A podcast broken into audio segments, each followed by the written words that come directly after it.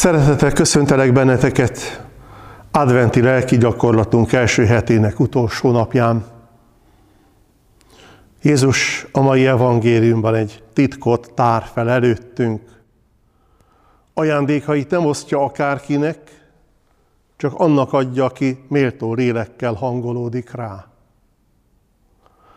Mások is tudnak róla, láthatják is, csak nem értik meg és ezért nem vágyódnak utána.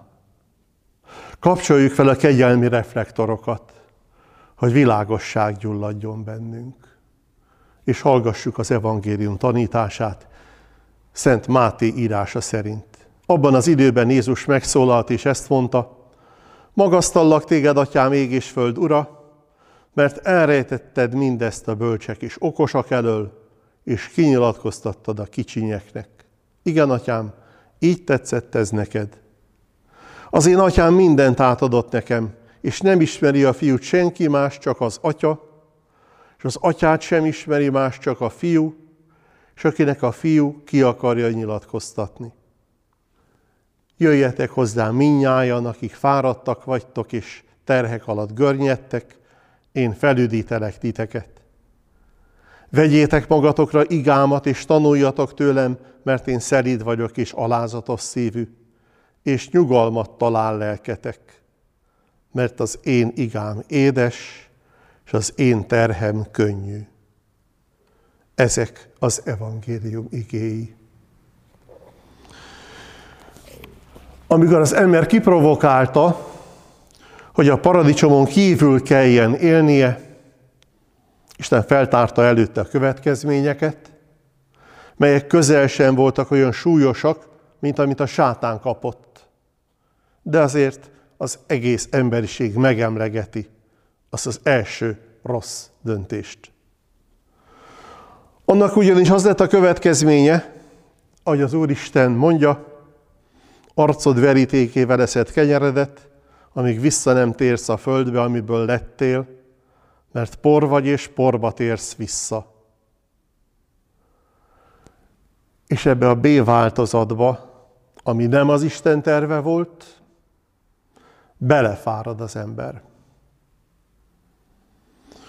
Jézus most hallott hála imája azonban elénk tárja a terhek alori feloldozás ajándékát. Van egy elrejtett megoldás, ami csak a kicsinyek számára valósulhat meg. Aki okoskodik, nagynak és a világ urának képzeli magát, az nem fogja meghallani a csendes szavakat, a szelít hívást, és nem észleli a kicsinyek kezében elférő mennyei ajándékot. Isten, aki mindennek a birtokosa, és alig várja már, hogy minden kincsét nekünk adhassa, ez az Isten megismerhető. Akinek a fiú ki akarja jelenteni, az megismerheti. Amikor kisé kételkedünk ebben, nem az Isten szavát vonjuk kétségbe, hanem a saját képességeinket. Lehetséges lenne, hogy én felfogjak valamit az Istenből. Én a véges, a végtelen Isten titokzatosságát. Azok a szentek, akik megnyitották szívüket az evangélium szavai előtt, és hagyták, hogy Jézus táplálja őket az örök élet igéjével, ők megtapasztalták Isten közelségét. És az a ragyogás, ami a lelkükből árad, az az isteni jelenlétből fakad. Isten élt bennük, és átsugárzott rajtuk. Napjaikban oly sokan panaszkodnak, hogy nem találják az Istent. Carlo Caretto Kerestem Istent és megtaláltam című könyvében a szerző egy a tengerben fürdőző ember helyzetét szemléli. Ahogy körülveszi a víz, és megad neki minden lehetőséget, hogy jól érezze benne magát, úszhat, ugrálhat, ráfeküdhet a víz színére, mert benne van. így vagy benne az Isten életében is. És ő megad neked mindent, amit csak el tudsz képzelni. És még azt kérdezed, hol van az Isten? Hát hol nincs? Jézus tehát felüdíti az elfáradtakat. Leveszi róluk a bűn súlyos terhét, és helyébe odadja nekik a Jézusi igát, ami nem bűnből készült, hanem szeretetből. Csoda-e, ha ez édes és könnyű? Egy olasz fiatalasszony, Chiara Corbella, 2012-ben, 28 éves korában, halálos betegen fekszik a kórházban. Férje megkérdezi tőle, szerelmem, az Úr keresztje valóban édes? Kiára nehezen lélegzett, beszélni is nehezére esett, de mosolyogva egyértelműen válaszolt. Igen, Enrico, nagyon édes. És néhány óra múlva meghalt. Ha megkérdeznénk erről az embertársainkat, valószínű, a 95%-uk azt mondaná, hogy az iga sohasem édes, teher mindig nehéz, a betegség keresztje különösképpen. Vajon miben rejlik a tévedés? Hol csúszott el az emberek véleménye? Szerintem ott, hogy amit az atya elrejtett, és csak a kicsinyeknek hajlandó megmutatni, azt a legtöbb ember nem ismerte fel.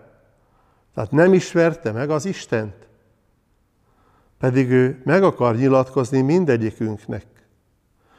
De aki el van telve önmagától, és nem ismerte fel Isten hiányát, és annak szükségességét, hogy az Istennel közösségben legyen, az nem jut el a Jézusi ígéretek megtapasztalására. Pedig Jézus mindegyik szava igazság. El kell sajátítanunk az ő nyelvezetét. Mai nap kihívásaként arra kérlek, gondold végig, Jézus jutalmat ígér az alázatos vendégnek, aki az utolsó helyet foglalja el. A házigazda abban a dicsőségben részesíti, hogy előkelőbb helyre vezeti.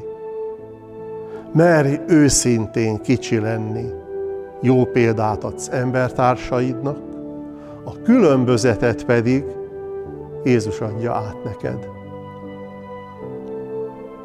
Öröm volt veletek készülni, hogy fogékony lélekkel várjuk Jézus önmagát ajándékozó szeretetét.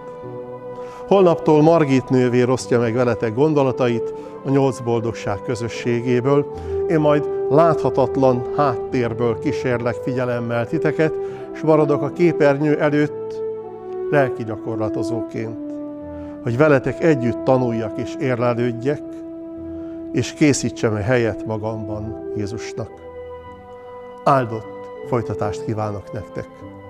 Dicsértessék a Jézus Krisztus!